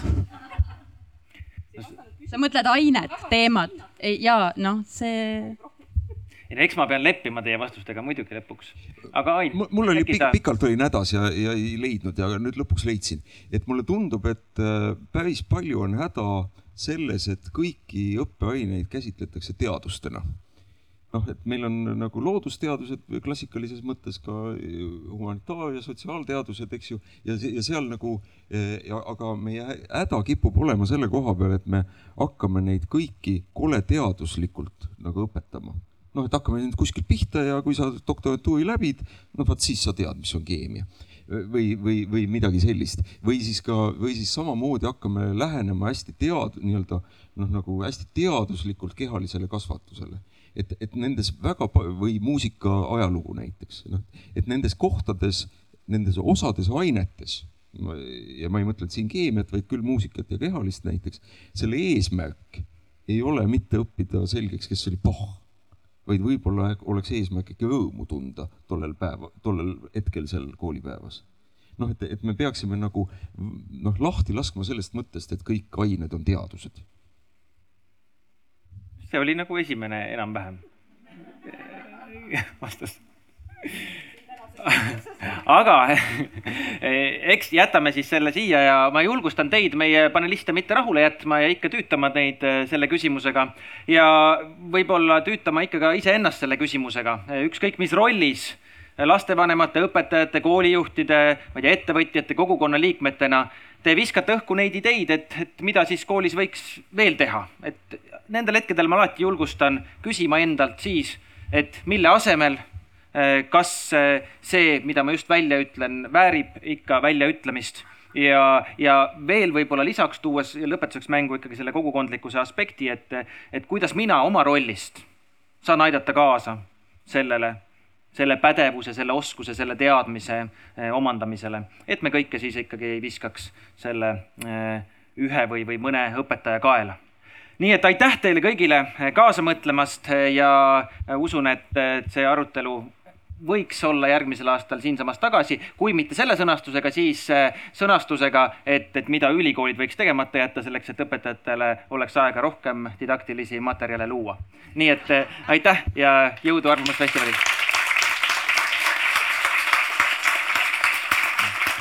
Oh ma oleks nüüd peaaegu unustanud, mul on meie nend-, eh, külalistele, külalistele, eh, panelistidele ka kingitused ja need pole niisama kingitused. Eh, kõigepealt siin on sees tervitused Rakvere Riigigümnaasiumi direktorile Liisale, Tallinna Ülikooli katusel peetavate, peetud mesilaste korjatud mesi. väga puhas, aga teine on veel parem see, ma arvan, et see on väga sümboolne, üks mu viimase aasta lemmikraamatuid, mis väga hästi läheb teemasse. igaühele teist has-, has-, Hasso Krulli tänapäeva askees. nii et eh, askeesi teema on, ma arvan, siia suve lõppu eh, selle, selle, selle, selle, selle teema arutelu järgsesse, järgseks lugemis, kohustuslikuks lugemiseks suurepärane, nii et aitäh teile. selge see, et ega kõike teha.